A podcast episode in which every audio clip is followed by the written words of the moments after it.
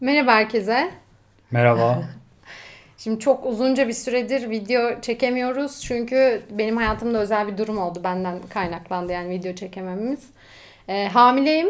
Ee, dolayısıyla da bir süre böyle toplumsal sorunlara, büyük konulara falan eğilmektense böyle bencilce birazcık kendi içimdeki küçük canlıyı büyütmeye falan odaklandım. Tam aslında böyle bencil bencil usul usul ilerlerken bir Tam- anda tam video ben- çekme isteği oluştu. Tam bencil değil ya. Yani çocuğum için diyorsun bak kendi için değil ki. Yani doğru evet ama birazcık artık bireysel formda düşünmeye başladım. Hani topluma faydalı bir şey yapayımdan ziyade e, içimdeki bir canlıya odaklandım. O açıdan bencil olabilir. Ondan sonra ama öyle bir zamanda bir mevzu patladı ki şu Atakan Kayalar mevzusu ve bir anda şey oldum. Yani artık annelik içgüdüsüyle de belki annelik adaylığı içgüdüsüyle böyle konuşmam gerekiyor falan oldu. Ben zaten önceki videolarda da söylemiştim hani benim için konuşmak, yazmak, araştırmak, sorgulamak e, o kadar kolay şeyler değil ve bir ihtiyaç halinde bunlara başvuruyorum. Yani ya bir acı çekiyorum ya bir şeyden üzülüyorum ya bir çelişki oluşuyor bende falan ve kendimi yine konuşurken ve anlatırken veya yazarken bulmak durumunda kalıyorum. Şimdi Atakan mevzusu da öyle oldu.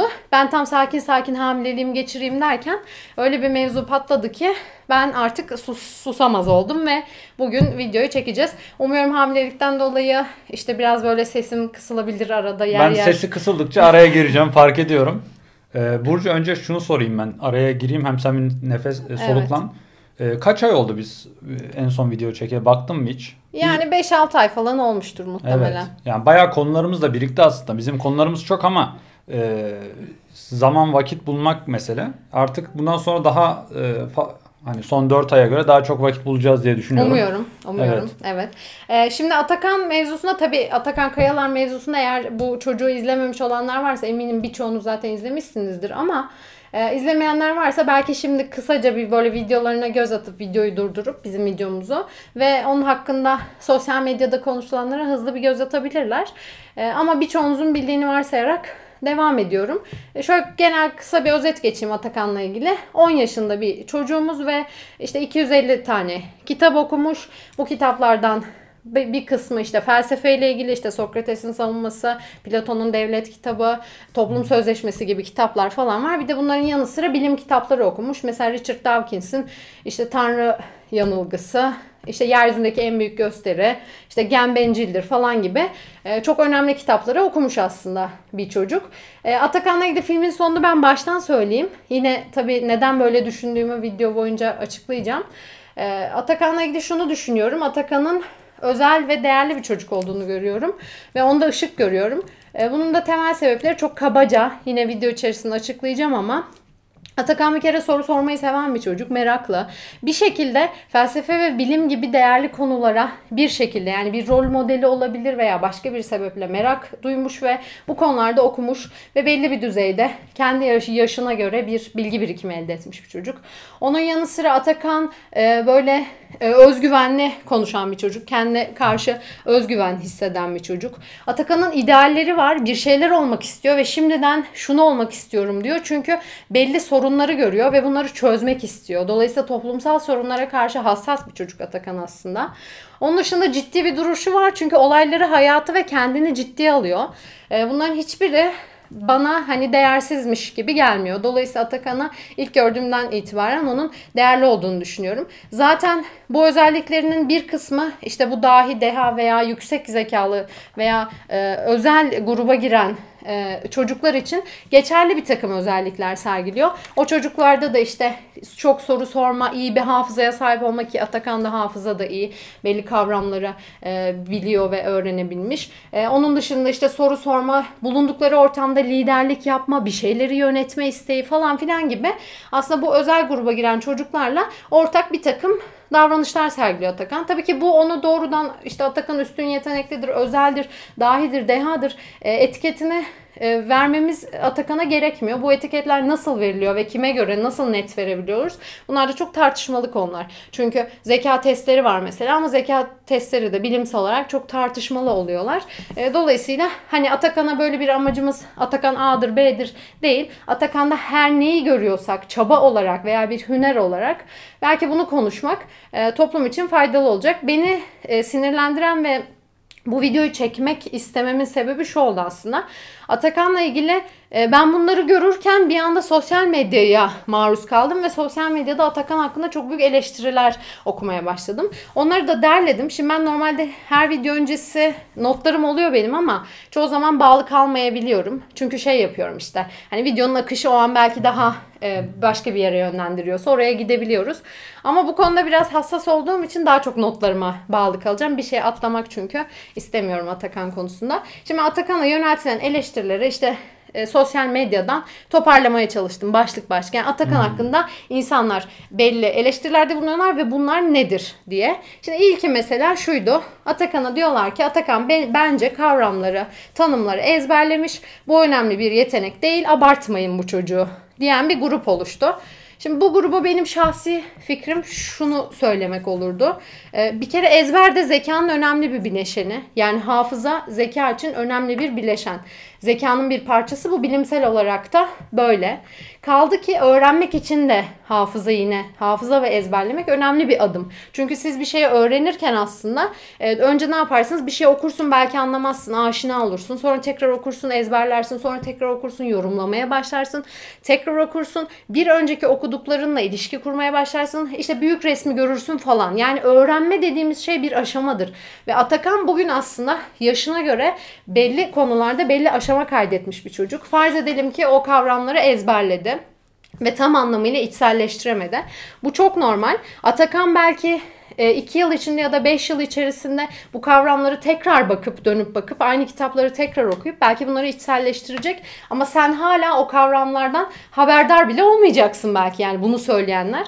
Dolayısıyla ezberin de burada küçümsenmesi bana çok doğru gelmiyor o yaştaki bir çocuk için ve bir şeylere bir de şöyle bir durum var. Şimdi o yaştaki çocuklar futbol Cuların isimlerini ezberliyor. Oyunları ezberliyor. Oyunlardaki karakterleri ezberliyor. Bu çocuk farklı bir şeyleri ezberlemeyi tercih etmiş.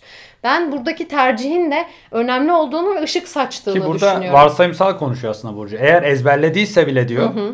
Ki zaten ezber olmadığı belli. Çünkü o an diyalog içinde gelişen konulara göre evet. o cümleleri sentezlemek bence bir ezber ürün değil yani. Hani doğaçlama gelişiyor. Evet. Ama dediği şu arada kullandığı alıntısal bazı metinleri hepimiz evet. ezberliyoruz. Evet. Yani deyimler, bu... atasözleri, alıntılar bu zaten güzel bir şey. Hı hı.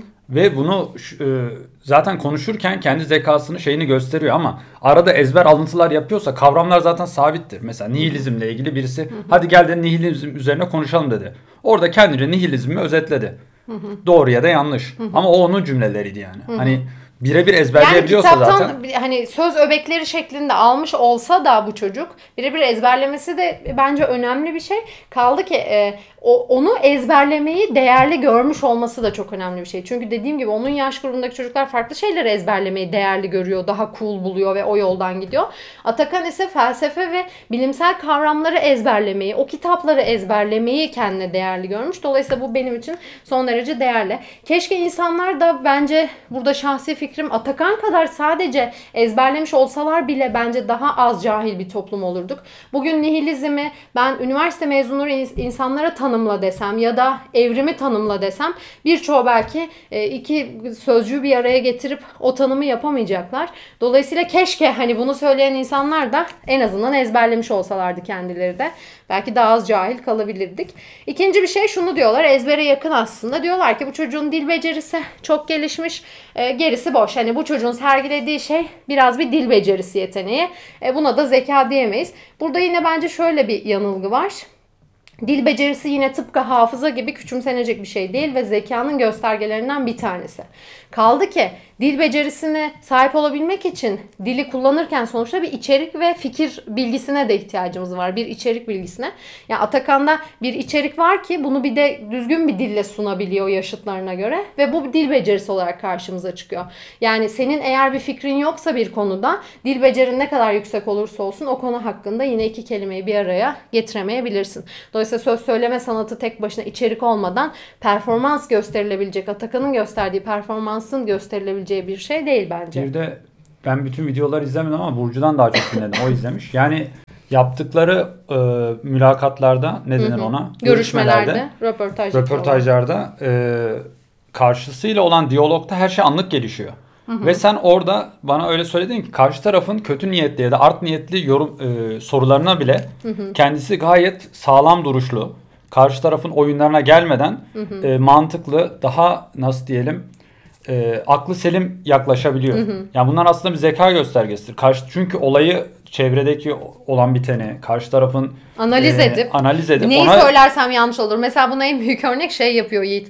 Şimdi ilk videosunda, ilk popüler olan videosunda Dawkins'in Tanrı Yanılgısı kitabını okudum diyor. Sonra bunun Türk toplumu tarafından belki hani e, ateist bir bilim insanı çünkü Dawkins. Hani bir de Tanrı Yanılgısı falan Evet, geçiyor evet. kitapta. Bunun belki tepki çekeceğini düşünüp ondan sonraki röportajlarında okuduğu kitaplar arasında onu saymıyor mesela. Evet. Yani aslında Kork- e, çocuk e, diğerlerinin yani ne, neyden neye tepki verirler, neyi nasıl söylemeliyim bazı şeyler de bana kalsın olgunluğuna da sahip. Yani kesinlikle ben de katılıyorum. Dil becerisinden daha Şu ha- bir haber var. kanalına katılmıştı sanırım. Oradaki haber spikeri sorular yönetiyordu. Senin orada ilginç tespitlerin var. Onlara sonra değineceksin sanırım.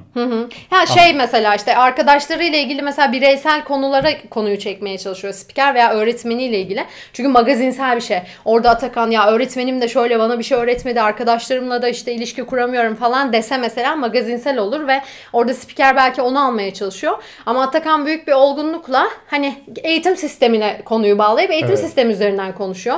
Ya da arkadaşlarına konu geldiğinde hani onu konuşmayalım falan diye belli tercihlerde bulunuyor. Hatta- Dolayısıyla saf bir çocuk gibi hani o yaşta belki bize mikrofon uza- uzatılsa saf gibi her şeyi dökerdik yani. Spikerin attığı yemler hepsini yutmuyor. Yutmuyor evet. Dolayısıyla bence o noktalarda da böyle Evet. hmm, şeyi var yani. Bir e, aklı selim durumu var. Şimdi üçüncü eleştiri şu Yiğit. Diyorlar ki bu kitapları okumuş ama buradaki kitapları, kavramları bu çocuk anlayamaz. Onun yaşı için bunlar çok zor. Dolayısıyla kendine kötülük yapmış. E, bunun bunun akabinde de diyorlar ki bu çocuk zaten çocukluğunu yaşamıyor. Dolayısıyla onun adına üzüldük falan gibi söylemler var.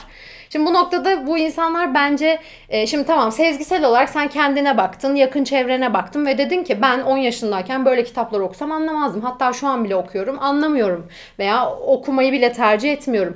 Ve böyle çok hızlıca kendi çevrene ve kendine bakıp sezgisel bir şekilde dedin ki Atakan bunları anlayamaz. Bu noktada bence bilgi eksikliği var insanlarda. Bir kere insanlara şunu öneriyorum. Dahilerin hayatlarına yönelik belgeseller var, e, kitaplar var. Yani vakit olursa bu videonun altına da keşke link koyabilsek.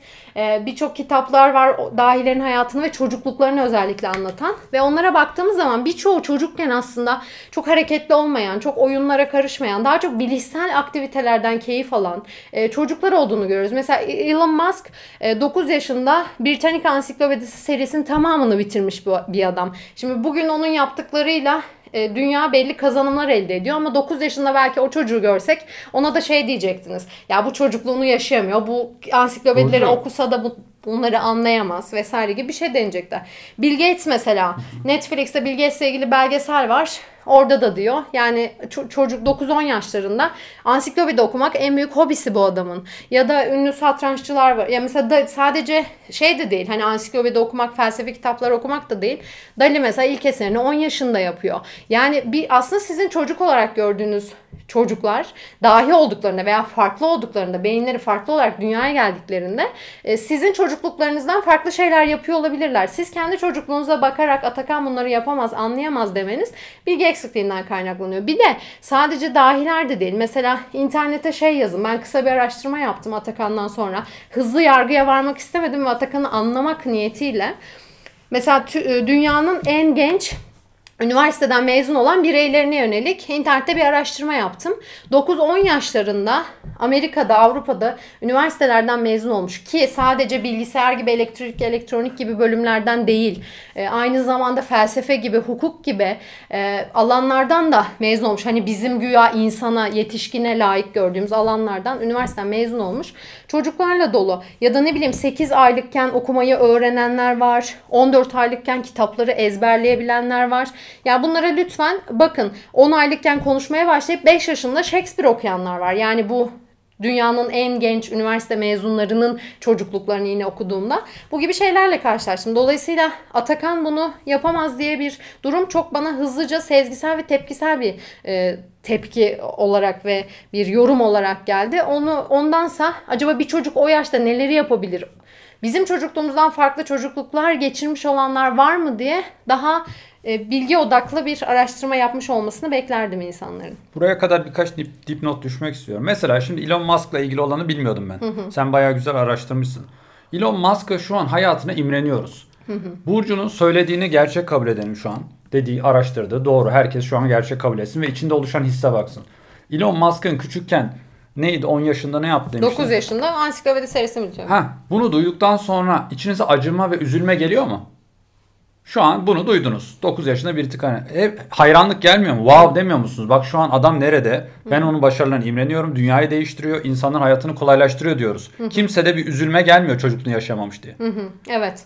Ama Atakan'a bakınca... Ama ama bunun benzer örneğini çevrenizde hemen biri medya kameralar dönüp yakından baktığınızda mercekte gözünüzde büyütüyorsunuz. O Atakan e, çocukluğu mahvoldu. Çocuk sadece metinlerle boğuşuyor gibi. Hı hı. Halbuki Atakan kendi de diyor. Siz benim sadece ciddi tarafımı görüyorsunuz. E tabii ki çünkü e onlara röportaj bir, yapıyorsun. Siz de bilgisayarın başında kamerayı çeksek bütün dünya sizi o kamerada bilgisayar başında tanısa tek videonuzu hı bütün vaktinizi 24 saat bir bilgisayar başında geçiriyor gibi düşünmesi evet, gibi bu. Evet. Şunu diyeceğim. E, mesela bir tane yeteneksizsinizin Amerika versiyonunda çocuk çıkıyor 5 yaşında çok güzel bateri çalıyor. Hı hı. Babası küçükken almış merakını görmüş. Hı hı. Devamlı çocuk bateride kendi geliştirmiş. Bunu alkışlıyoruz. Bayılıyoruz. Çocuk ne kadar tatlı. Hı hı. Başka birisi e, şu an 14 yaşında e, satranç ustalarını yenebilir hale gelmiş ve bunun geçmişine baktığında 5-6 yaşından beri satranç oynuyor. Ki satranç Tabii, zaten... Bobby bir... Fischer var mesela çok ünlü satranççı. Adam 6 yaşında satrancı Yok, çok iyi oynamaya başlamış. Yok şu an hadi Bobby Fischer sonradan birazcık e, akli sorunları olduğu söyleniyor ama şu anki dünya şampiyonu olan Magnus Carlsen var. O Hı-hı. da çok küçük yaşta başlıyor. Hı-hı. Hatta çocukken Kasparov'u yeni şey bir maçta e, beraberliğe zorluyor. 14 Hı-hı. yaşında mı neyse 16 yaşında mı çok küçükken. Hı hı. O şu an gerçekten herkesin gözdesi. Çocuk çok gayet güzel turnuvalarına gidiyor. Parasını kazanıyor. Bir yandan futbolunu da oynuyor ama. Hı hı. Yani çocukluğunu yaşayamadığı gibi durum yok. Hı hı. Hayatından memnun. Hayır oynamaya da bilir. Yani Ve her çocuk oyun oynamak kimse bunun hayatını okuduğu zaman gidip internette böyle sağa sola yorum yazmıyor. Magnus Carlsen'a acıyorum. Küçükken yaşayamamış. Ha, hayır. Küçükken kendi nasıl istediyse öyle yaşadı. Onun Şu an zaten hayatını değil. yaşıyor. Çünkü satranç gibi ya da birinin işte basketbol oynaması, bütün vaktini öyle geçirmesi daha çocuğa yakışır bir eylem gibi görünüyor da işte bu bilişsel şeyler çocuklara yakıştırılmıyor gibi. Yani adam felsefeyle uğraşıyor Atakan. Ama bak burada adam burada diyorum, bir çelişkileri var. Adam. Hem diyorlar okuduklarını tam anlamıyor. E zaten okuduğunu tam anlamıyorsa zihnine çok zarar vermez. Kelime öğrenmiş olur. Hı hı. O zaman eleştirme. Okuduğunu işte şey anlıyorsa diyor, zaten beyni hızlı gelişmiş. ama işte yanlış anlayabilir bu yaşta falan ama şunu kaçırıyorlar işte. Senin 10 yaşındaki halinle bir başkasının 10 yaşındaki hali bir değil. Şimdi Türk toplumunda biraz şu var. Biz aynı doğarız ve işte e, hayatımız içerisinde çok çalışan işte başarılı olur falan gibi bir durum var ama tabii ki çalışmak önemli. Ama sadece çalışmak değil bizim genetik olarak da biz aslında farklı doğuyoruz ve ben zeka ile ilgili videomuzda bunu merak edenler izleyebilir. Orada da bu örneği vermiştim. Şimdi sen bir derecelik açıyla farklı doğduğunda tamam mı? Farzem Yiğit'le Burcu bir derecelik açıyla beyinleri birbirinden farklı. Ve beynin işte bilişsel aktivitelerini yapan mesela ön lobu işte Burcu'da daha çok gelişmiş. Şimdi Burcu'nun bir yaşı Yiğit'in bir yaşından farklı olacak. 2 yaşı, 3 yaşı, 5 yaşı, 10 yaşa ve 10 yaşa geldiğinde Burcu'nun yapabilecekleri ile Yiğit'in yapabilecekleri arasında zaten fark olması çok normal. O yüzden hani hızlıca tamam insanlara biz böyle yaşlara göre gruplandırıyoruz ama bu çok böyle kaba bir gruplandırma. Birinin 10 yaşı başka birinin 50 yaşındaki bilişsel yeteneklerine denk düşebilir. O yüzden bunu çok doğru bulmuyorum bu söyleme. Kaldı ki e, farz edelim e, çok da beyni farklı olmasın Atakan'ın yaşıtlarına göre. O yaştaki bir çocuğun öğrenme hızı bile eğer biraz beyni biliyor olsanız e, öğrenme hızı bile o kadar fazla ki bir şekilde Atakan kendine bir rol model görmüş olabilir ya da o kitaplar ona denk gelmiştir, ilgisini çekmiştir. İçsel bir motivasyonla okumuştur. E, öğrenme hızı çocuk yaşta o kadar fazla oluyor ki bunları gerçekten hızlıca öğrenmiş olabilir. Ama sen 10 yaşındayken bu kitaplara hiç bakmadığın için, isimlerini bile bilmediğin için, hiç böyle konuşmalara girmediğin için belki şu anda kendi 10 yaşınla, Atakan'ın 10 yaşına çok ayrı görüyor olabilirsin ve onu normal bulmuyor olabilir, olabilirsin. Burcu bu bir de şu yönde yok mu? Eleştirenlerin belki bazıları haklı bazıları haksız. Orayı geç. Hı. Ama sanki ne haklı ya da haksız olan birini düşünelim. Hı hı. Şu konuda eleştirmesine şu anlamda bir e, teşvik var. Kıskanma, başarıyı kıskanma. Küçük kendi küçüklüğüne bakıyor. Hiçbir zaman zekası belki şu anki zekası bile 20-30 yaşında, 15 yaşında, 40 yaşındaki zekası bile ona yetişemeyecek belki. Evet. Belki hiçbir zaman bu tür konuları anlayamayacak. E, karşı tarafın tabii ki taşlaması kolay. Ya bu çocuğun psikolojisini bozmuşlar. Çok kitap okuyor. Bu gelişmesin. Evet. Çünkü kendisi hiçbir an gelişemeyecek. Zaten orada bir e, zeki insanları var. her zaman bir kıskanıp onları ilk fırsatta taşlama var. Halbuki kendileri 100 hata yapsa taşlanmaz. Çünkü zaten kendisi çok zeki olmadığı için hata yapacak. Doğru. Onu hiçbir zaman taşlayan yok. Ama zeki bir insanın ufak bir hatası başka bir aptal insanın 20 hatasından daha göze batmaya başlıyor. Doğru aynen öyle. Bir de burada şunu söyleyeceğim ben mesela. Şimdi normal dağılım eğrisini bilirsiniz. İnsanlar tamam birçoğumuz normal dağı- dağılım eğrisinin içindeyiz. Ama bir de dışarıda kalanlar var. E, işte azınlıklar. Yani daha mesela zekadan örnek verelim ya da bilişsel kapasite daha altında olanlar var. Daha üstünde kalanlar var. Şimdi mesela altında olan bir çocuğu gördüğümüzde ya bu çocuk çocukluğunu yaşayamıyor. Bütün gün oturuyor. Arkadaşlarıyla sosyalleşemiyor. Oyun oynayamıyor falan diyor muyuz? Demiyoruz. Yani onu kabul ediyoruz ve diyoruz ki bu çocuk normal bir insandan farklı doğmuş. Dolayısıyla farklı yaşlarda farklı şeyler yapması normal. Peki aynı şeyi daha üst gruba giren azınlık için neden yapamıyoruz ve neden onu kendimizle kıyasladığımızda kendimizle aynı bilişsel kapasiteyi ve potansiyeli ondan bekliyoruz?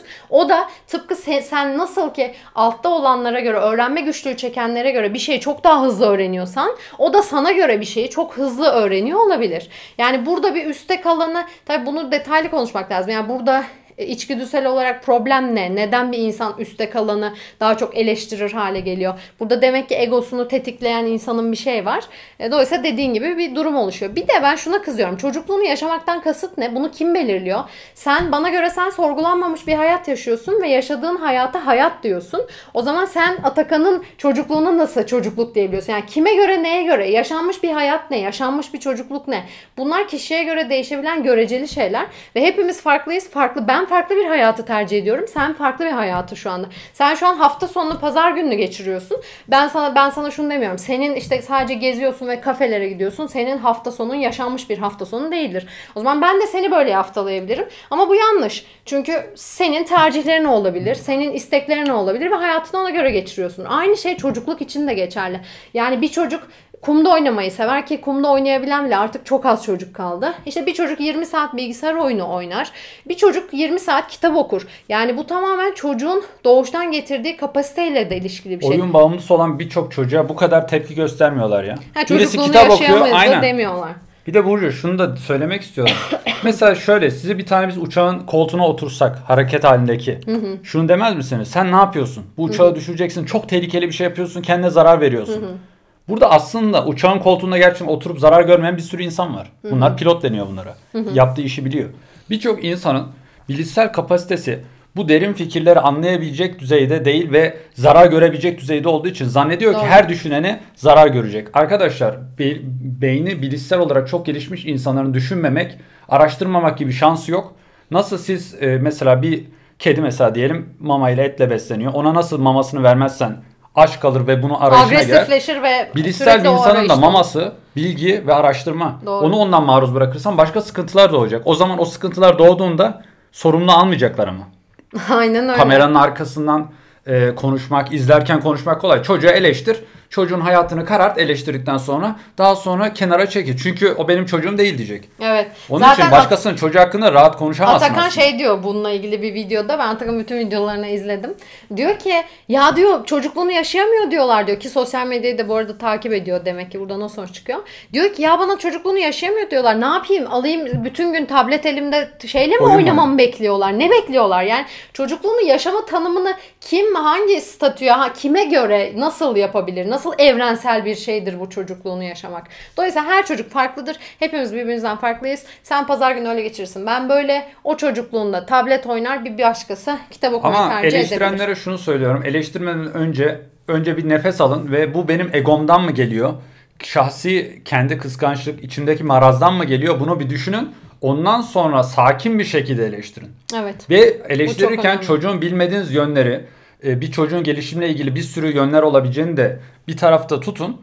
Biraz yumuşatın şu eleştirilerinizi. Bu biraz iyi illa şeyden eleştireceksiniz ki eleştirmeyin bence. Mesela- bence eleştirmeyin yani. Evet. Ya özellikle limbik sis- beyindeki limbik sistemi gelişmiş insanlar çünkü limbik sistem beyinde duygusal tepkilerle ilgileniyor ve böyle hızlıca kendini korumaya alıyor. İşte kıskançlık, fesat falan bu gibi du- duygulardan oluşuyor zaten.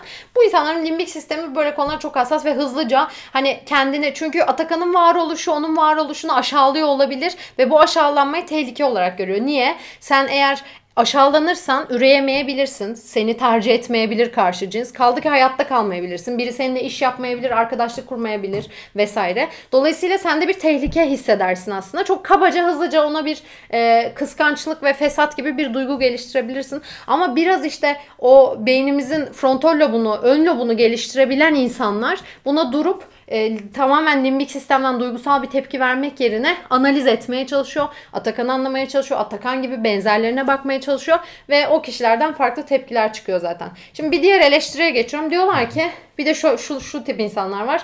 O kadar kitap okumuş olamaz. Hesap kitap yapıyorlar işte. 5 ayda 250 kitap okumuş. 250'yi 5'e bölüyor. Bilmem kaçı kaça bölüyor falan. Diyor ki bu yalan falan. Ve bir yalanını ortaya çıkarmaya çalışıyor çocuğun. Şimdi burada söyleyeceğim şey şu. Atakan gerçekten belki ailesi belki kendi ilk başta kabaca yanlış bir rakam söyledi. Yani 205 dedi 250 dedi. Ya da farz edelim ki Atakan 250 kitabı okudu ama tam olarak sayfa sayfa okumadı. İşte arka kapağına baktı, ön sözüne baktı, internetten kitapla ilgili araştırma yaptı, içeriğine baktı, başlıklarına baktı, önemli bölümlerini okudu, ilgi çeken ve kitabı bıraktı. Bu noktada bile insanların... Ee, Atakan'da bir ışık görmemiş olması beni çok şaşırtıyor. Çünkü biz Türkiye'de, Türkiye'de kitap okuma oranı 10 e, yılda bir kitap, bir, bir kitap düşüyor.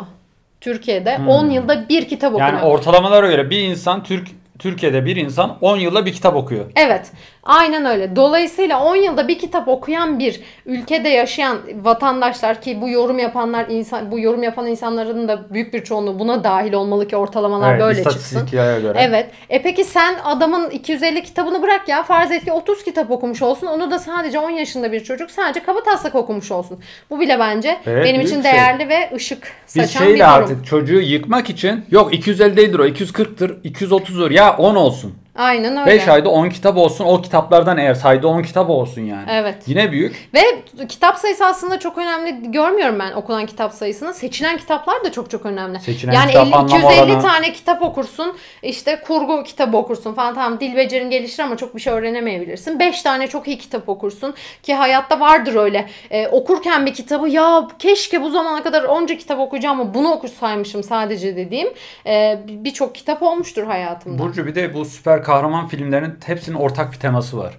Genelde birisi uçuyor, birisi zihin okuyor, birisi duvardan geçiyor. Hı hı. Bir sürü çeşit çeşit özellikler var. Kimisi bilişsel, kimisi fiziksel. Ama ortak özelliği şu. Diğer bu özelliklere sahip olmayan insanlar bunları dışlıyor. Bunlar bize zararlıdır. Bunlar bize e, zarar verecek. Bunlar e, güçleri kontrol altına alınmazsa bize bir şekilde topluma zarar verecek diye bunları dışlayıp hapse atıp ve güçlerini nötralize etme yolunda hastanelerde araştırmalar yaptırıyorlar. Bence bu gerçek hayatta bunun çıkış noktası. Genelde bizden biraz daha üstün olan insanları hep baskı altına alıp bize zarar vereceği düşüncesiyle kendi seviyemize indirmeye çalışma şey. Doğru çünkü senin için bir tehlike oluşuyor. Senin o güne kadar oluşturmuş olduğun bir fikir yapısı var. Gö- gözlerinin görmeye alıştığı, kulaklarının duymaya alıştığı e, bir dünya içerisinde yaşıyorsun. Artık farklı şeyler görmeye ve duymaya başladığın zaman veya farklı fikirler, kendi kalıplaşmış fikirlerine zıt ki felsefe en çok filozoflar bunu yaşıyor. Çünkü felsefenin temeli zaten kalıpları yıkarak e, sınırsız düşünme sanatı bir yerde. O yüzden e, filozoflar bunu zaten dünya yani tarihte çok fazla yaşamış. Öldürülmüşler, cezalandırılmışlar, asılmışlar, e, birçok şey dışlanmışlar.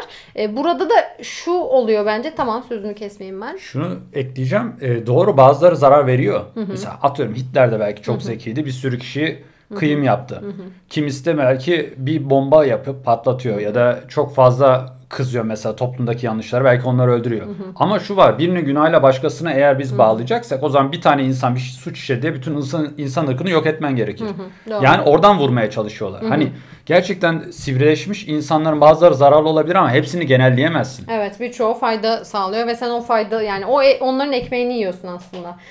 Birazdan ona da değineceğim. Şimdi bir başka eleştiri şey bu çocuğa diyorlar ki ya işte bu kadar okusa ne olacak? İşte adam olamamış işte kibirli, küstah, narsist falan gibi böyle ağır ithamlarda bulunanlar var.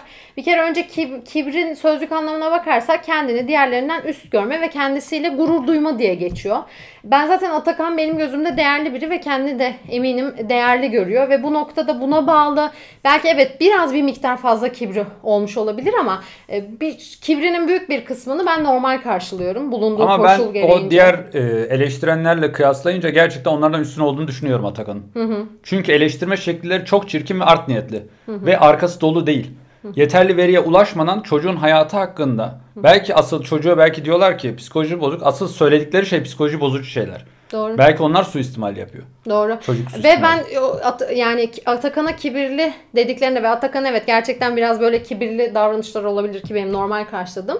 Şunu hissettim. Keşke Atakan'ın kibirli olmayacağı bir dünya sunabilseydik ona. Keşke o hep çevresine baktığında röportaj yaptığı kişiyi, annesini, babasını, okulda öğretmenini, arkadaşlarını kendi en az kendi kadar kapasiteli, dünya sorunlarına eğilen, bilgili görebilseydi o zaman belki bu kadar kibir olmayacaktı. Dolayısıyla türlü- bu kibir de bizim de yani bizim de payımız oldu. Her türlü oyuncağı kendine e, layık gören, hak et yani kendine her türlü oyuncağın alınmasını hak gören çocuklar, şımarık çocuklar, her şeye ağlayan, her istediğini yaptıran çocuklar böyle eleştiri almıyor.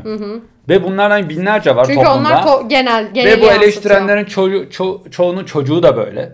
Ama gelmiş garibim burada tamam mı? Kendi çocuğunu artık yükseltmek pahasına ötekini yerin dibine gömmeye gerek yok. O çocuk kitap okumuş. Biraz aşırıya kaçmış olabilir ama hangimiz aşırıya kaçmıyoruz? Belki de evet. Belki diyelim ki fazla kitap okumak zararlı. Hani şimdiye kadar herkes bas bas bağırıyor kitap okuyun diye. Şimdi okuyunca da kötü oldular. Ee, fazla dedin ki fazlaya kaçmış. En fazla bunu diyebilirsiniz. Belki biraz daha kitap okuma yoğunluğunu azaltabilir. Hani bu şekilde de demiyorlar Burcu. Çok çirkin Bir de hakaretlere şöyle varan diyorlar şekilde mesela küstah diyorlar Yiğit o konuyla da ilgili ben şunu söylemek istiyorum. Küstah bence özgüvenle karıştırılabilen bir şey Türkiye'de. Çünkü Türkiye'de biz aslında çok özgüvenli insanlar değiliz ve özgüvene yatırım da yapmıyoruz. Neden? E, çünkü Türkiye'de özgüvensiz biri de olsan yani bir bilgi beceri donanımına sahip olmasan da birilerine aman beyim canım beyim diyerek kendini böyle aşağıda göstererek muhtaç göstererek hem ailenden hem okulda öğretmenlerinden hem iş yerinde belki işvereninden yardım talep edebiliyorsun ve hayatta kalabiliyorsun. Bu böyle biraz Türk toplumunun, Türk kültürünün yapısı gibi görüyorum. Daha Amerika'da ve Avrupa'da bu biraz daha hani katı olabilir ve özgüven geliştirmek zorunda kalabilirsin. O yüzden Türkiye çok aslında Tü- Türkiye için özgüven çok tanınan bir şey değil. Dolayısıyla birinde özgüven gördüğümüz zaman bunu belki küstahlıkla da karıştırmış olabileceğimize inanıyorum ben. Orada da bir yanılgı Bir olabilir. de yine görüşmeye, konuşmaya gidenler var röportajlarda. Eğer adam hakikaten felsefe ya da şeyin önemini anlamış biri ise çocuğa öyle güzel yaklaşıyor ki çocuk da ona uslu uslu, tatlı Evet. tatlı konuşuyor. Sen çocuğu eğer ötekileştirip direkt sen aslında çok farklısın, tuhafsın. İlginçsin böyle kötü anlamda tuhafsın diye yaklaşıp Veya da onun saçma sorularına sorularla. Hani işte öğretmenin ne, ne öğretmenin şöyle mi, ailen şöyle mi? Hani böyle resmen magazinsel. rating oluşsun diye Evet. böyle çocuğun ağzından birilerini sanki böyle gaf yaptırmaya yönelik sorular sorarsan çocuk tabii kendine korumaya almaya yönelik. Evet. Karşı taraf belki biraz Aşağılayarak ki orada Sen aşağılık bir hareket ben de ne yapabilir. yapacağım?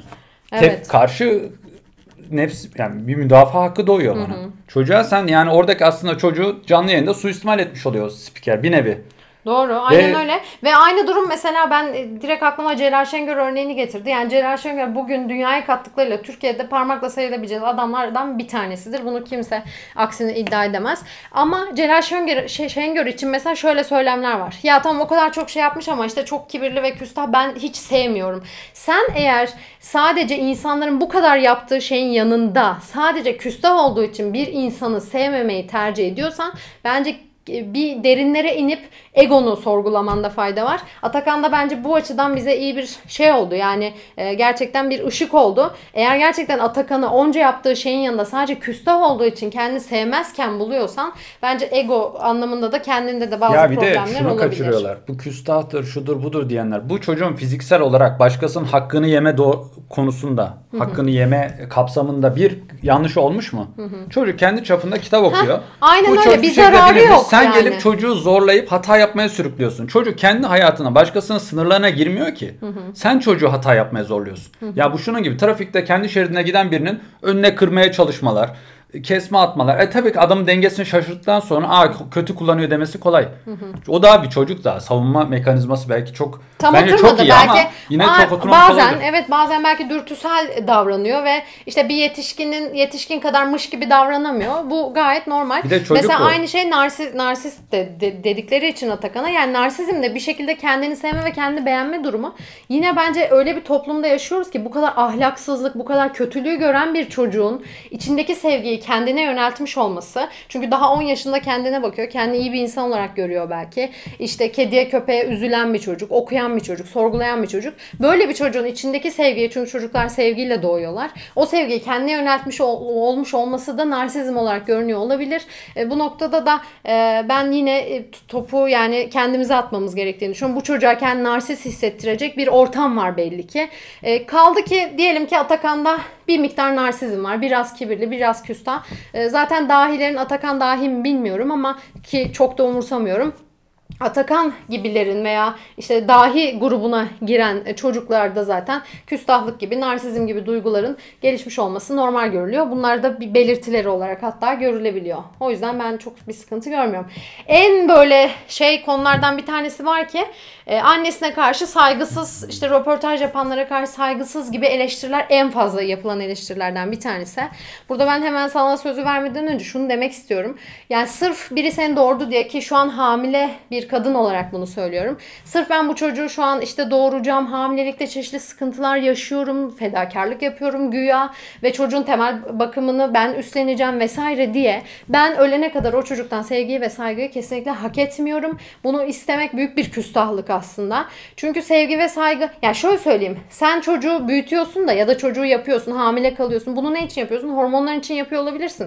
İçgüdülerin için yapıyor olabilirsin. Toplum baskısı yüzünden yapıyor olabilirsin. Annelik rolü toplumda iyi olduğu için yapıyor olabilirsin. Mecbur kaldığı için yapıyor olabilir. Mecbur kaldığın için yapıyor olabilirsin. Dolayısıyla binlerce sebebi olabilir. Yani hiçbir şöyle bir sebep olmayabilir. Ben bir çocuk yapacağım ve bütün hayatımı ona vermek istiyorum. Belki böyle bir sebep bile yok senin anne olmanın e, altında yatan sebepler arasında. O yüzden hani bu sevgi saygıyı hak eden bir şey değil. Tabii ki hamile kalıyorsun ve çocuğun temel bakım ihtiyaçlarını karşılıyorsun. Ya çocuğunun ama, hayatını karartan ne anne babalar heh, var. Yani. Ama işte bir ne süre sonra var. yani bir 3-4 yaşına girdikten sonra çocuk artık seni sevmek ve saygı duymak için şunları aramalı bence. Beni anlıyorlar mı? Bana ben olduğum için işte benim ihtiyaçlarım konusunda destek olmaya devam ediyorlar mı? Fedakarlık yapıyorlar mı? Vesaire gibi konularda eğer çocuk e, belli e, şeyler görürse ancak o zaman sevgi ve saygı duymaya devam edebilir. Dolayısıyla Atakan şimdi şeyin birinde görüşmenin bir tanesinde şöyle bir şey oluyor. İşte annesi Atakan'ın durumunu Allah'a bağlıyor falan. Atakan da böyle gülüyormuş gibi davranıyor ve insanlar bunu çok eleştirmiş vesaire. Ee, şimdi burada şöyle bir durum var. Atakan ateist olabilir, ateist olmaya da bilir. Bunu kendi açıklamadığı sürece hani bilemeyiz ve bilmemiz de gerekmiyor. Farz edelim ki Atakan ateist değil ama annesi orada böyle e, çok değişkenli bir konuyu doğrudan sadece Tanrı'ya bağladığı için bunu mantıklı bulmadı. Bunun altında birçok sebep yatıyordu doğrudan. Tanrı belki onun için dolaylı bir sebep. Dolayısıyla annesinin öyle konuşmasını mantıksız buldu veya güldü. Veya Tanrı inancı yok. Annesinin Tanrı'ya bağlamasını yine mantıksız buldu. Şimdi iki noktada da Atakan keşke şunu yapabilseydi. Keşke öyle bir toplumda olsaydık ki çocuklar şunu diyor olabilseydi. Anne sana katılmıyorum bu konuda. Ama biz öyle bir toplumdayız ki bunu söylemiş olsaydı çok daha fazla e bu belki. tepkileri gören korkmaz mı ya? Evet. Ya Sen çok demek daha çocuk fazla. bir tane ağızdan yanlış bir şey çıksa çocuğa daha çok saldıracak bunlar. Evet o yüzden ben açıkçası Atakan'ın sadece gülerek aslında çok naif bir şekilde annesiyle aynı fikirde olmadığını gösterdiğini düşünüyorum. Ve bunu saygısızlık olarak da görmüyorum. Ve Türk toplumunda biraz yani işte anne kutsaldır. Mesela Atakan biraz böyle şey farklı bir çocuk olduğu için e, biraz e, toplumsal sınırları da bence zorlayıcı bakış açıları olabilir ki bu çok normal ki bu olmalı. Mesela Nietzsche'nin üst insanı diyorum çok önemsiyorum. Nietzsche'nin üst insanı bu toplumsal sınırlıklardan geleneklerin bize dayatmış olduğu zorlukların dışında bir düşünme biçimini çok önemser. İnsan insanın kendini aşması için bunu gerekli görür. Çocuk aslında biraz böyle bir çocuk. Dolayısıyla işte top, Türk toplumuna şunu göstermiş oldu. Anne kutsaldır. Ya anne sadece anne olduğu için kutsaldırı dedi ki hayır arkadaş ben bazen annem eğer benim saçmalıyorsa ufak mimiklerimle ona katılmadığımı gösterebilirim. Ya da anne sen otur eğer bir şey söyleyemeyecekse orada çünkü röportaj yapılıyor ve benim anlatmak istediğim şeyler var. Annemin de o kadar çok şey paylaşmayacağını belki hep aynı şeyleri konuşup duracağını düşünüyorsam çünkü dünyayı ciddiye alan bir çocuk Atakan. Anne sen otur hani ben devam edeyim demiş olabilir. Ya, ben burada herhangi bir yine sıkıntı Sokakta gördüm çocuk babasının kucağında ağlayarak gidiyor. Senden nefret ediyorum diyor kız çocuğu. Babası da gülüyor. Evet. Muhtemelen istediği bir şey almadı. Evet. Şimdi biz burada gülüp geçtik dedi ki bu çocuk çocukluk yapıyor. Hı hı. E, bir noktada kızmış ama öfkesini dile getirmek için seçtiği kelimeler abartı. Hı hı. Bunun gibi bir sürü çocuk var. Herkes birinin çocuğunu görüyor. Aa öyle şey denir diyor geçiyor. Evet. Biz kamerada bu çocuğu gördük. Diyelim ki anne babasına saygısız oldu. Gerçekten oldu. Hı hı. Ama çocuğa senin öyle saldırma hakkı sana doğmuyor. Sen o zaman her gördüğün sokakta gördüğün böyle ya da akrabalarında gördüğün bu şekilde Onları geç kendi musun? ergenliğini düşün. Hepimiz ergenliğimizde annemize ve babamıza karşı çıktığımız, belki kötü kelimeler kullandığımız zamanlar olmuştur. Bunu yazan, çizen insanlarda da bu olduğunu düşünüyorum. Dolayısıyla birazcık kendine bakıp hani kendine bakmaksızın gördüğün bir şey yine tepkisel, hızlı bir e, böyle e, eleştiride bulunma yine çok böyle hayvani, ilkel bir Ya bana ürünü gibi Bir geliyor nevi bana. çocuk suistimali geliyor. Bu şekilde saldırmak yorumlarla. yani sosyal medyada biliyorsunuz e, zorbalık, e, siber zorbalık mı deniyor buna? E, çokça yapılıyor. Bunun en kötüsü de savunmasız bir varlığa yapılması. Yani kendin belki o kameralar gelip çekiyor ama çocuk belki bu kadar istemedi içinde. Belki hoşuna gidiyor ama sonuçta biz o ilgiyle onu Ya bir de Yiğit şöyle bir durum var. Çocuk ve hata yapabilir. Tıpkı biz bir sürü hata yaptığımız gibi. Ve bence dünyada zaten iyi olan çok az şey görebiliyoruz. Sen iyi olan iyi olarak gördüğün şeyleri konuşmayıp o çocuğun yaptığı hataları konuşursan iyiliklerin de sürmesini engellemiş olursun. Kendi gerçekleştiren kehanet yani, oluyor. Tabii ki yani Atakan'ın orada iyi olan şeylerini sen bir konuş da yani o hataları da görmezden gel- gelmiyorsun ve küçük hataları gözünde büyütüp Hat- Atakan'a ait değerli olan ışık saçan şeyleri de görmezden geliyorsun. Bunun da sebeplerini bir düşünmek lazım. Atakan'la ilgili bir diğer eleştiri bu çocuk üstün yetenekli değil. Zekasına bir ölçülsün de bakılsın işte üniversite sınavına bir girsin de bakalım gibi tepkilerde. Şimdi burada Atakan'ın zaten hiçbir zaman böyle bir iddiası olmadı. Ben üstün yetenekliyim dediğini ben hiç duymadım. Ayrıca olmasa ne olur? Yani Atakan'ın ortaya koyduğu performans her neyse konuşmaları, okudukları, tavrı vesaire. Bununla da üstün yetenek olmasın, deha olmasın, dahi olmasın bir şey olsun. Buna bir şey diyelim. Demek zorunda da değiliz. Biz orada adım adım olan güzel şeyleri, ışık saçan şeyleri ön plana çıkarıp konuşalım. Yani bununla da illa üstün yetenek olmak zorunda değil. Kaldı ki biz Atakan'a test yapsak bugün testler ne kadar güvenilir? Belki Atakan'ın zekasını veya duygusal durumunu, tavırını ölçebilecek bir test henüz yok. Dolayısıyla yapılan testlerde belki Atakan zeki bir çocuk çıkmayacak. Gayet çıkmayabilir ve o onun saçtığı ışığı asla söndüren bir şey olmaz. Çünkü e, Atakan'ı belki ölçecek bir araç yok şu anda ve umarım bu araç yok de diye bu eleştiren- Atakan'da hiçbir şey yok olduğu anlamına gelmiyor. Sadece bizim onu ölçecek test olmadığımızı gösteriyor elimizde. O yüzden yine bu da bence yersiz bir eleştiriden bir tanesiydi. Di- Bir diğer konu da şu. Oo, bu da çok şey. Diyorlar ki Atakan yalnız kalır, katil olur, depresyona girer. Bu kadar felsefeyi kafasına takmış bu çocuk bu gidişle böyle olur falan gibi söylemler. Şimdi bir kere şunu söyleyeyim ben. Evet siz eğer insanları anlamazsanız, farklılıklara hoşgörüyle yaklaşmazsanız, değerli olan şeyleri görmezden gelip küçük kötü şeylere odaklanmayı sürdürürseniz evet Atakan üzülebilir. Evet Atakan yalnızlık çekebilir. Anlaşılmadığını düşünebilir. Dolayısıyla burada iş Atakan'a değil, Atakan'ı eleştirmeye değil bizlere düşüyor. Onun onluk bir durum olduğunu sevdiği düşünmüyorum. kadın onu terk etti diye öldüren bir sürü erkek var. Geri zekalı, hiçbir şey okumayan, Evet. salak, saygısız, kaba, başkalarının hakkına giren bir sürü insan var. Onları eleştirmeyi bırakmışlar. Çocuk şurada birkaç kitap fazla okudu diye. Evet. Ona bak, yaptıklarına bak. Katil olur, şu olur. Anlamadıkları insanlar anlamadıkları ve eli yetişmedikleri şeylere düşman oluyor Burcu. Doğru, Çünkü ko- korkuyorlar. Gerçekten o bilişsel becerisi işte yüksek hızlı araba Kontrol gibi edememekten bir korkuyor. raydan çıkarsa çarpar. E sen böyle bu şekilde çocuğu daha da kötüliğe itersen, onu eleştirerek ötekileştirirsen daha da onun eğer kötüye kayacaksa da hızlandırmış oluyorsun. Evet bir de yalnızlık konusunda evet belki dezavantajlı Atakan ve Atakan gibi diğer çocuklar.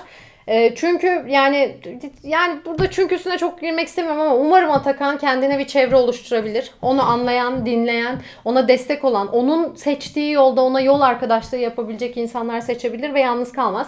Farz edelim ki öyle insanlarla karşılaşma fırsatın olmayacak Atakan. Yine de ben şöyle düşünüyorum. Kitaplar var. En azından fikrine saygı duyduğun e, e, insanların eserlerini görüyorsun ve onlarla aslında kitap okuyarak bir bağ kuruyorsun. Ve sen varsın, fikirlerin var. Bunlar bile aslında umarım yalnız hissetmemeni sağlar ve bir güzel bir bağ geliştirmiş olursun. Bir de insanlara yani şunu merak ediyorum. Sizin öneriniz ne ki? Bu çocuk yalnız kalmasın diye herkes gibi mi olsun? Ya bu biraz O bana- da yapamaz ki zaten. Yapıcı bir eleştiri değil Heh, Burcu. yapıcı değil. Ortaya Çünkü lafını bu şu koyuyor. demek yani. uzaklaşıyor. E, öğrenme güçlüğü olan bir çocuğa ya sen böyle olmayı bırak bak yalnız kalırsın demek gibi. Bu çocukta özel bir durumu var ve böyle olmak böyle olmak durumunda neden bunu değiştirelim? Kaldı ki yalnızlıktan bu kadar korkmayın bence. İşte kötü bir insan olmaktan korkun. İşte İşte dünyaya hiçbir şey katamamaktan korkun. E, bence bunlar bir insanı çok daha korkutan Başkasının şeyler olmalı. hakkını yemekten. Atakan'ın yalnızlığı hani sizi bu kadar korkutmasın. Ben böyle bunu demek istiyorum. E, bir diğer şey diyorlar ki çocuğumun böyle olmasını istemezdim. Şimdi ben bunu yazan insanları aslında biraz anlıyorum. Şöyle anlıyorum. Sen hayatında sadece kendi zevklerin için yaşamış, haz peşinde, dünyaya hiçbir şey vermemiş, belki vermek istesen de verememiş bir insan olarak. Tabii ki dünyada dünyaya bir şey vermektense çocuğunun da tıpkı senin gibi belki asalaklık yapıp bir şey alması tarafında olmasını istiyorsun ve bunu tercih ediyorsun. Seni anlıyorum ama sadece şunu atlama. Eğer herkes senin gibi sadece almaya odaklansaydı ve vermek istemeseydi. Vermekten kastım ne? Ya senin bugün sen bugün internetten sevgili bulabiliyorsan, dünyanın başka bir yerine uçakla gidebiliyorsan, hastalanıp ölmüyorsan, çocuk yapamaz haldeyken tıp seni çocuk yapabilir hale getirebiliyorsa aslında dünyanın birçok nimetinden faydalanıyorsun ve bunlar bu gibi insanlar sayesinde. Senin o hayatını yaşamıyor dediğin insanlar sayesinde sen bunları yapabiliyor oluyorsun. O yüzden sen evet almaya daha odaklı olabilirsin. Çocuğun öyle olmasını da tercih ediyor olabilirsin. Bir şey demiyorum. Ama tüm dünya böyle böyle olmak istediğinde sen o elde ettiğin kazanımların hiçbirini elde edebilecek durumda olmayacaksın.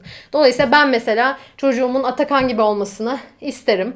Sen istemeyebilirsin. Burada da bir tercih. Ha ben çocuğuma burada kıyıyor muyum? Evet çocuğum belki Atakan gibi olursa yalnız kalabilir. Sizin eleştiriniz, eleştirilerinize maruz kalabilir. Ama ben sizi de anlayabileceğine inanıyorum öyle bir çocuğun ve dünyaya katkı sağlayabileceğine inanıyorum ve o tarafta bir çocuk yetiştirmek benim için bir sakınca oluşturmuyor. Ama bu sizin için bir sakınca oluşturuyorsa da bunu gayet iyi anlayabiliyorum. Çünkü duygusal ve bilişsel kapasiteniz belki böyle bir tercih yapmayı size mecbur bırakıyor. Sonra bir de Atakan'ın eski videoları çıktı. Böyle 200 sene önce YouTube'a videolar falan koymuş. Başladılar şey deme. Ya bu çocuğun böyle göründüğüne bakmayın. Bu çocuk 2 yıl önce çok salakça videolar koyuyormuş falan. Ya onlara da şunu söylemek istiyorum. Keşke sizin de 2 yıl önceki halinize baktığımda şu anki halinizle Atakan'da olduğu kadar bir fark görebilmiş olsaydım. Ya bu farkın olması çok güzel bir şey. Videoları saçma olabilir. Şimdi değişmiş olabilir. Bu müthiş bir şey bence. 2 yıl önce 8 yaşında olan bir Evet. çocuğu eleştiriyorlar. Kaldı ki ben onların İnsanlar yine... çok acımasız ya. Kaldı ki ben onların yine göremediği şeyler olduğunu düşünüyorum. Mesela videonun bir tanesi vlog çekiyor 7-8 yaşlarında. Ee, işte annesi kamerada. Mesela insanları çekmesini çok istemiyor. Diyor ki hani onlar özel alan falan. İşte e, markaları çekmesini istemiyor. Reklama girer diyor. Yani böyle hassas reklam konusunda özel alanın ihlali konusunda. Normalde mesela 8 yaşındaki bir çocuğun böyle konulara çok hassasiyet Onu da ezberlemiştir Burcu ya. Onlar da ezberlemiştir. Evet. Her Mesela şey aslında onların saçma dediği videoda belki bunu da görebilmek mümkün. Bakış açısını farklı. Yani fark- ezberlemiştir farklılaştırmak derken şimdi lazım. izleyenler oraya sarar. Bunu kinayeli söylüyorum. Yani. Evet, aynen öyle. Şimdi onu anlamaz insanlar. Oraya sarar videoyu. Çocuk korkunç diyenler var. Yok tipi korkunçmuş, konuşması korkunçmuş. O çocuk korkunç değil. Bana hiç korkunç gelmiyor. Sana korkunç gelmesinin sebebi sana farklı geliyor oluşu. Yiğit'in de söylediği gibi.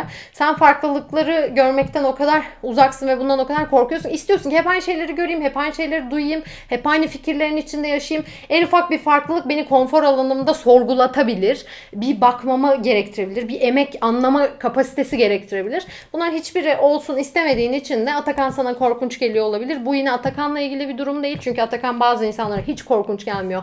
Ve son derece sempatik, değerli biri olarak geliyor ama sana korkunç geliyor. Burada bence yine e, sen Yani- neden farklılıktan, belirsizlikten, sınırların aşılmasından, yeni bir şey görmekten bu kadar korkuyorsun? Yine bence kendilerine Hayır bakmaları konu gerekiyor. estetik oluyor şey derler. Aslında estetiği insanların gereği yok. Herkes kendi haliyle güzeldir. Hani bir sürü manken eleştiriler o kadar ince olmaya gerek yok. Bak sağlığınıza zarar veriyorsunuz. Evet. Çocuk yazık doğal hali biraz farklı olunca çocuğun fiziksel görünümden dolayı çocuğa saldırıyorsunuz ya. Bu tam bir bu bu kendi hem sizin dur, çelişkiniz sakin ol. hem de Evet. yani çocuk suistimal. Yani yine aynı kelimeyi tekrar edip duruyorum ama Doğru. o yani oraya çıkıyor.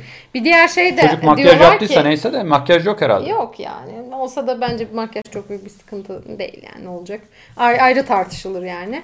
Şimdi bir de diyorlar ki e bu bilgileri biliyor da ne oluyor? Ne işe yarayacak ki işte? Felsefe kitabı okumuş, bir bilim kitabı okumuş falan. Bunlar ne işe yarayacakçılar var. Oo.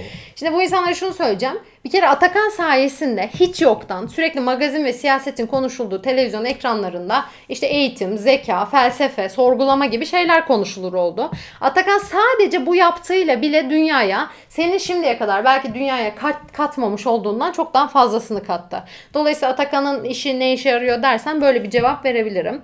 Kaldı ki Atakan şimdi felsefeyle uğraştığı için ve böyle işte e, yönetimsel bazı şeylerde fikir yürütüyor şu bu. Şimdi felsefenin e, etkisini görememeni de anlıyorum. Çünkü felsefe biraz mesela teknoloji gibi hızlı faydalı bir şey değil. Al sana işte e, sesini arttırman için mikrofon ürettim diyor biri ve sen hızlıca görüyorsun onun faydasını. Ama felsefenin faydası ve bilimin faydası onların olmadığı zamanda açığa çıkar. Felsefeye ve bilime değer vermeyen ülkelere bak. Bir de bunlara değer veren ülkelere. İkisi arasındaki farkı eğer anlayabilirsen felsefenin Atakan'ın ilgilendiği felsefenin nasıl bir işe yarayacağını bence görebilirsin. Ama yine burada bunu görebilmek için bir şeye bak diyorum, düşün diyorum. Tabii yine buna bir emek ve kapasite ayırman gerekiyor. Umarım bu kadarını ayırabiliyorsunuzdur. Ee, bir diğer konuda şey diyorlar. Atakan yanlış şeyler biliyor. Kullandığı kavramlar hatalı. Bir kere çocuk daha 10 yaşında. Dolayısıyla o kavramları evet bazılarını yanlış öğrenmiş olabilir. O 2-3 sene içinde o kavramları öğrendiğinde sen hala o kavramları bilmiyor olacaksın. Kaldı ki çocuk evrimi tanımlayabiliyor, nihilizmi tanımlayabiliyor, birçok tanımda bulunuyor, demokrasiyi tanımlıyor. Sen bunu ne kadar tanımlayabilirsin? Şimdi kendine videoyu belki durdur ve bunları tanımlamaya çalış. E, kaldı ki bir diğer noktada Atakan konusunda bence insanlar bilgi eksikliğinden dolayı da Atakan'ın belli şeyleri yanlış söylediğini düşünüyorlar. Çünkü anlamıyorlar. Mesela Atakan e, röportajlardan bir tanesinde Atakan'a spiker diyor ki peki diyor bu ilgin ne zaman başladı diyor. İlk ne zaman keşfettim felsefeyi. Atakan da şey demeye başlıyor. Ya işte bu böyle şeylerin ilki olmaz. ilkler vardır. Mesela işte bir insan bir anda var olmaz. iki insan olmaz. Üç insan olmaz. ilkler olur vesaire diye konuşmaya başlıyor. Ve bunu tabii ki anlamayan hayatında evrim nedir okumamış insanlar bu çocuk ne saçmalıyor ya insana niye bağladı bir insan olamaz ne demek falan diye anlamamış oldular. Oysa ki evrim kitaplarının büyük bir kısmında bu çok geçen tekrar eden bir şeydir ve çok önemli bir konudur. Yani şunu demek istedi Atakan orada. Ben tek bir an söyleyemem size. Öyle bir şey bu öyle bir şeydir ki ilklerden oluşur. Bir şeyler birbirini tetikler. Dolayısıyla spesifik olarak bir an söylemek çok mümkün değildir. Başka videosunda Atakan aslında çok bilgili olduğunu göstererek şey diyor devlet kitabı diyor. İşte Aristoteles'in devlet kitabını okudum diyor. Ama ona Platon ve Eflatun derler. Millet orada kafası şeye karışmış. İşte Aristo'nun yazdığını düşünüyor bu kitabı. Platon devlet sandığımızı düşünüyor ama işte devlet Platon'un kitabı. Burada saçmalıyor falan diyorlar ama Platon'un gerçek adı Aristokles zaten. İnsanlar ona Platon ve Eflatun ismini takmışlar. Dolayısıyla orada yine çocuk çok doğru bir şey söylüyor ama millet buna internetten bile bakmadan ya ben bu çocuğu eleştiriyorum ama gerçekten bu ne diyor diye bakmadan kendi sığ bilgileriyle onu eleştirmiş oldular. Bazı yerlerde evet çelişkiye düşüyor. Mesela şey diyor işte biri ona diyor ki arkadaşlarınla ilişkilerin nasıl falan zorlu zorlu mu kolay mı falan. Önce şey diyor evet zorlukları oluyor ama bana göre kolay gibi bir yorum yapıyor. İşte bu insanlara biraz çelişkili gelmiş. E, bu noktada da şu var. Bence çelişki ve e, orada e, kav, e, karar verememezlik derin düşüncenin bir sonucudur. Sorduğu soru zor bir soru. Dolayısıyla aklına o an bir sürü zor olduğu ve kolay olduğu case'ler, durumlar da gelmiş olabilir ve orada kararsız kalıp böyle bir cevap vermiş olabilir. Bu yine derin düşüncenin bir sonucu gibi gördüm ben ve sizin yorumladığınız gibi yorumlamadım. Ya abartmışlar artık bir videoda çocuk şey diyor gayipten sesler duyuyorum falan diyor. Diyorlar işte bu çocuk kafayı yemiş böyle diyor. Oysa ki çocuk orada muhabirin kulağındaki sesi duyuyor ve mizah yeteneğiyle bir espri yapıyor. Olayı espriye bağlıyor. Bunu bile mesela e, şey yapmadılar. Yani Atakan orada sizin biz biraz yetişkinler olarak şeyiz işte kötü görünmeyeyim Gayipten sesler duyuyorum esprisini yaparsam insanlar beni işte ruhsal problemlerim var zanneder diye biz böyle küçük hesaplar yapıyoruz ama Atakan orada gayet kendine özgüvenli bir şekilde bu espriyi yapıyor ve bunun kötüye kullanılabileceğini bile belki düşünmedi. İnsanların anlamayacağını düşünmedi bir de ama amacımız insanlar... bir insanı asmaksa onu yanlış anlamak çok kolaylaşıyor. Evet. Aynen öyle. Peki sonrasında şunu düşünmeye başladım. Bunca eleştiri saydım ben. İşte burada yaklaşık e, kaç tane saymışım? 13 grupta insanların eleştirilerini toplamaya çalıştım. Sonra şunu düşündüm. Peki bu eleştirilerin muhtemel sebepleri ne, neler olabilir? Hmm. Sen aslında aralarda hep onlara girmeye çalıştın. Sen güzel kategorilemişsin.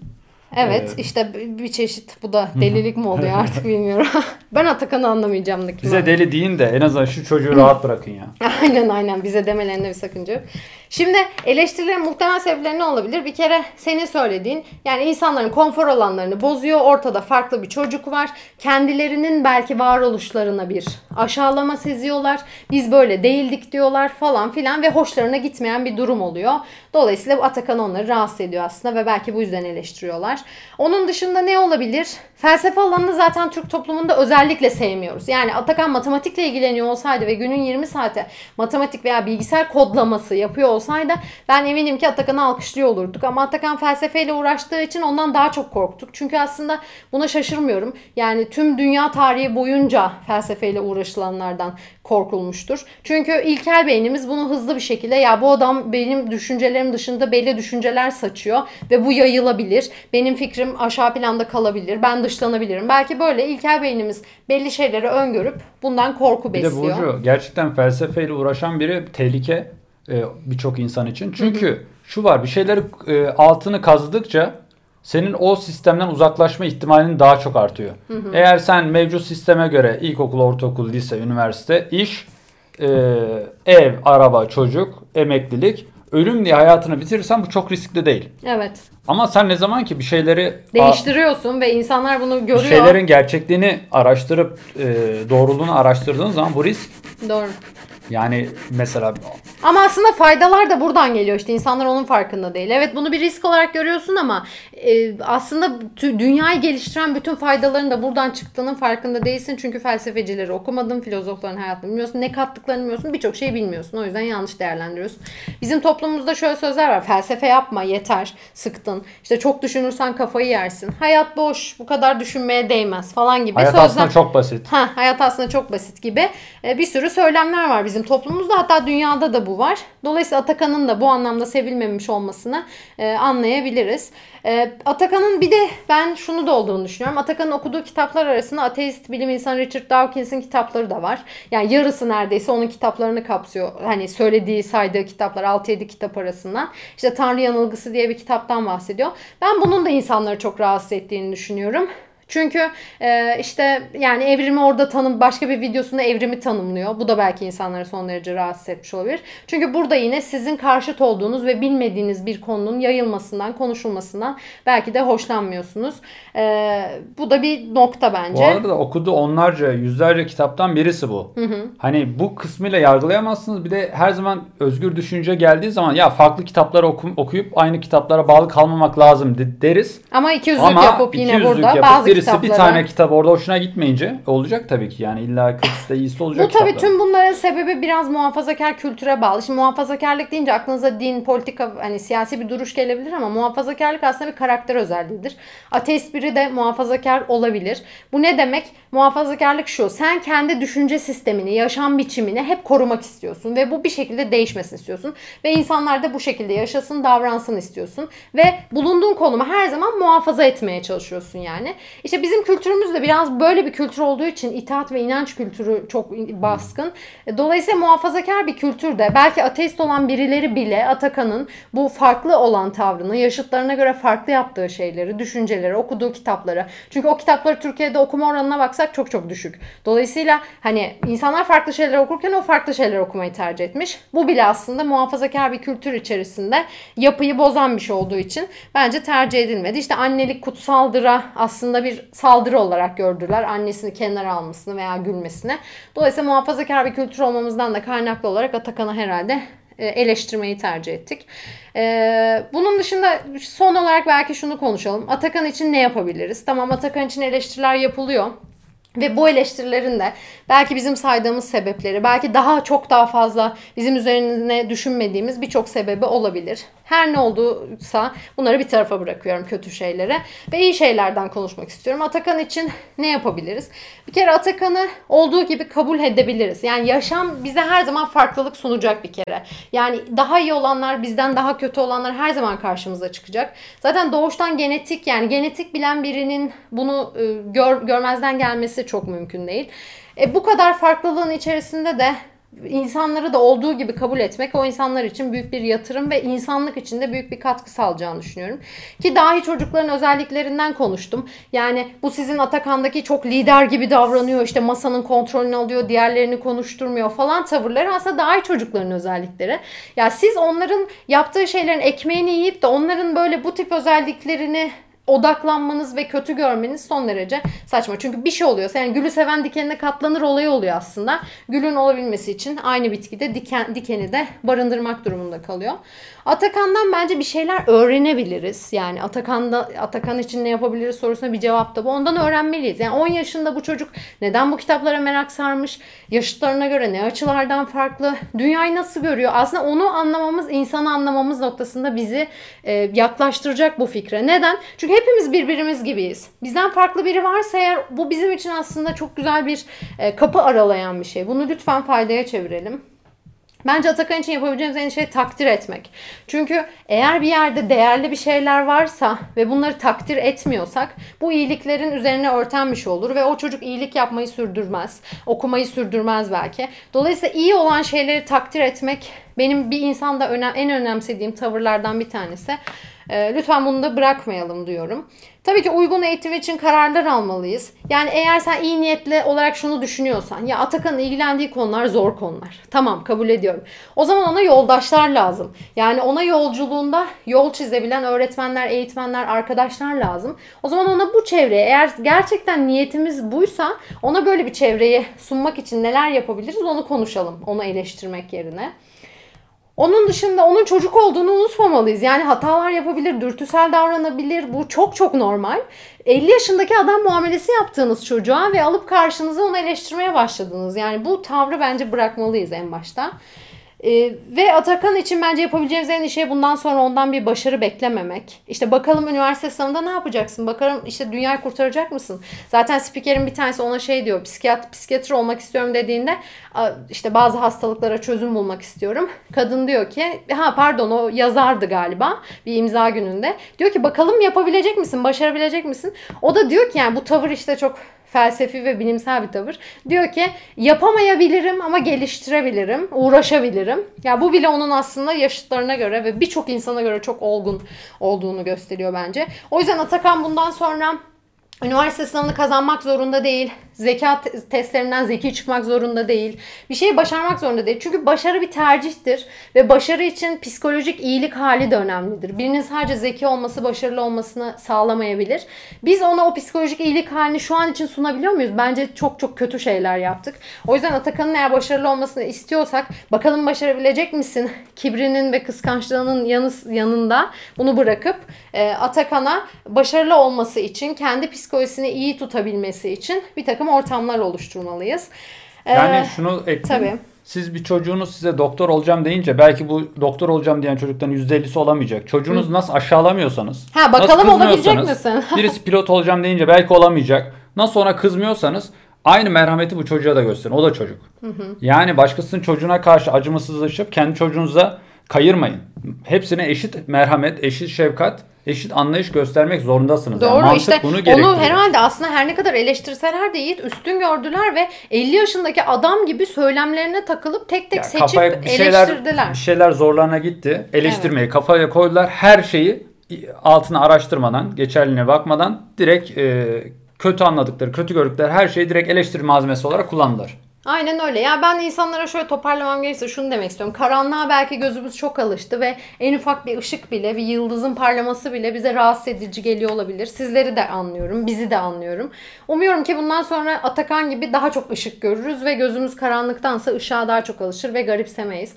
Ee, son söyleyeceklerim Atakan için olacak. Bence e, videonun e, önemli bir kısmı. Bilmiyorum Atakan bu videoyu izleme izleyebilir mi, izleyemez mi? Belki hemen izlemez, yıllar sonra izler. Atakan'a söyleyeceğim şeyler şunlar. Bir kere insanların eleştirilerinin altında burada belki bizim çok az sebep sayabildik. Belki daha fazla sebep var. Belki sen daha fazla sebep bulabilirsin. Bu sebepleri görmeye çalış. Ee, insanlar ilkel beyinleriyle hareket eden birçok insan olduğunu görmeye çalış. Onların da belki o kapasiteyle doğduklarını. Hani biz nasıl seni anlamaya çalışıyorsak sen de belki bu gibi insanları anlamalısın ve ilkel dürtülerle bunları yaptıklarını görmeye çalış. Bu belki seni onlara karşı daha az e, üzen ve kin duyan yalan noktasına sokacaktır. Onlar senden onlardan nefret etmeni işte e, katil olmanı falan kötü biri olmanı bekliyorlar ama sen eğer onları anlarsan bu öfkenin ben dineceğini düşünüyorum. Ee, bu söyleyeceğim, söyleyeceklerimden bir tanesi bu. Yani onlar seni anlamaya çalışmasa da sen onları anlamaya çalış. Ki sen Sokrates'in savunmasını okumuş bir çocuksun. Biliyorsun Sokrates'e at sineği deniliyor ve toplumu işte rahatsız eden bir tip olarak Yani görülüyor. bu noktada şöyle oldu biraz. Onlar çocuk, büyüklük sende kalsın. Heh, aynen. Büyüklük Onlar sende çocuk. kalsın. Beyinleri daha Onlar çocuk. Seni anlamıyor olsa da sen onları anlamaya çalış. Acı çekmemek için zaten bunu yapmak zorundasın ve yap. Ee, ikincisi umarım böyle meraklı olmaktan, araştırmaktan, bildiğini göstermekten, özgüveninden bir şey kaybetmezsin. Ama aması var. Çünkü ben bu yaptık yani sendeki bu yeteneklerin insanlık için faydalı olacağını düşünüyorum. Ama e, bu çok önemli bir nokta. Bunların hiçbirine mecbur değilsin. Sakın ve sakın insanlara kendi kanıtlamak zorunda kalma. Çünkü bugün seni eleştiren insanlar sen en iyi şeyi yapıp dünyayı kurtarsan da seni eleştirebilirler. Dolayısıyla onlarla uğraşmayı bırak. İçin, içsel bir motivasyonun varsa bu iyi niyetle bir şeyleri başarmaya çalış. Kendin için, sevdiğin insanlar için, hayvanlar için. Sakın hani insanlara kendimi kanıtlayayım, işte üniversite sınavını kazanacağım, şöyle olacağım falan diye kendi bir psikolojiye sokmanı, üzmeni, başarısız olduğunda kendini yargılamanı, o insanlara seninle dalga geçmesini falan hiçbir şekilde önemsemeni istemiyorum. Çünkü o insanlar sana gülebilirler, dalga geçebilirler, anlamayabilirler. Bunlar çok normal. Sen altında yatan sebepleri yine bence gelecekte hatta belki şimdi bile anlıyorsun zaten. Üçüncü söyleyeceğim şey yalnız olmadığını bil. Ne zaman istersen seni anlayacak olan, senin yanında olacak olan, seni seven insanlar olabileceğini unutma. Ee, biz bunlardan e, iki kişiyiz. Belki çok daha fazlası var. Bunlara ulaşmaya çalış. Ama ulaşamazsan da yalnızlıktan aşırı korkma. Gönül ister ki insan yalnız kalmasın ve sevdikleriyle ve anlaşıldığı bir toplumda olsun. Ama bu olmuyorsa da kitaplar var. Belki onlarla arkadaşlık kurabilirsin. Ve yalnızlığı bu kadar da önemseme. Senin zaten hayatta başka ideallerin var. Ve onların peşinden giderken belki yalnız olmayı o kadar da umursamayacaksın ve faydasız olduğunu asla düşünme. Sen şu zamana kadar yaptığın şeyler için bile. Bak mesela bizim bu videoyu çekmemizi ve bu gibi çocuklar hakkında konuşmamızı sen sağladın. O yüzden bu, bu kadar fayda bile aslında 50 yaşına 70 yaşına gelip ölen ve hiç fayda sağlamamış bir insana göre e, seni eleştiren bir insanın hayata sunduğu faydadan çok daha fazlası. O yüzden bu kadarı bile yeterli. Yapabiliyorsan ve istersen buna motivasyonun olursa daha fazlasını da yapabilirsin. Ama bütün rolü kendine üstlenme. Sen bir meşale yakacaksın ve bu meşaleyi başkası alacak taşımaya devam edecek. Senin gücünün yetmediği yanında yanına bir yolcu olacak falan ve meşale böylelikle taşınmış olacak. O yüzden faydasız olduğunu düşünmeni istemem. Ee, son olarak ya ben Atakan'ı çok sevdim ve onu bol bol öptüğümü buradan söylemek istiyorum. Ee, bir de Atakan'a e, bu sabah böyle bunlarla ilgili yazarken e, radyoda Athena'nın e, Ben Böyleyim şarkısını dinliyordum. Ve kesinlikle o an gözlerim doldu ve Atakan'ı düşündüm o şarkıyı dinlerken. Atakan da eğer bu videoyu izlerse o şarkıyı dinlesin. Hatta bence Atakan'a yorum yapan, Atakan hakkında yazan, çizen, düşünen insanlar da o şeyi, şarkıyı, Athena'nın Ben Böyleyim şarkısını. Hani biz şimdi videonun sonuna koyamayız. Belki telif falan bir sorun olabilir. E, bence açıp dinlerlerse sevinirim. Bugün bayağı o şarkıyı dinlerken böyle e, Atakan'ı düşündüm ve kendimi kaptırdım. E, benim söyleyeceklerim bu kadar. Ben de Burcu'ya katılıyorum. Atakan seni her şeyinle, hatalarınla, eğrinle, doğrunla, her şeyinle seviyoruz. Ee, umarım toplum için çok faydalı bir çocuk olacaksın. Ee, dediği gibi hani bir beklenti içinde değiliz kesinlikle ama evet. bence şu an bile çokça faydası olduğunu Aynen. düşünüyoruz. Aynen öyle. Atakan seni çok seviyoruz ve öpüyoruz. Diğer insanlar için de umarım yani e, bir bakış açısı yine sunabilmişizdir ki bir şeyler değişebilir. Ee, kendinize iyi bakın. Yine ben eğer bencilce davranmaz ve sadece içimdeki canlıyı düşünmezsem yine böyle durumlarda ve konularda video çekmeye devam edeceğiz. Evet. Tabii sağlığımda el verdiği sürece. Ee, görüşürüz o zaman. Görüşürüz.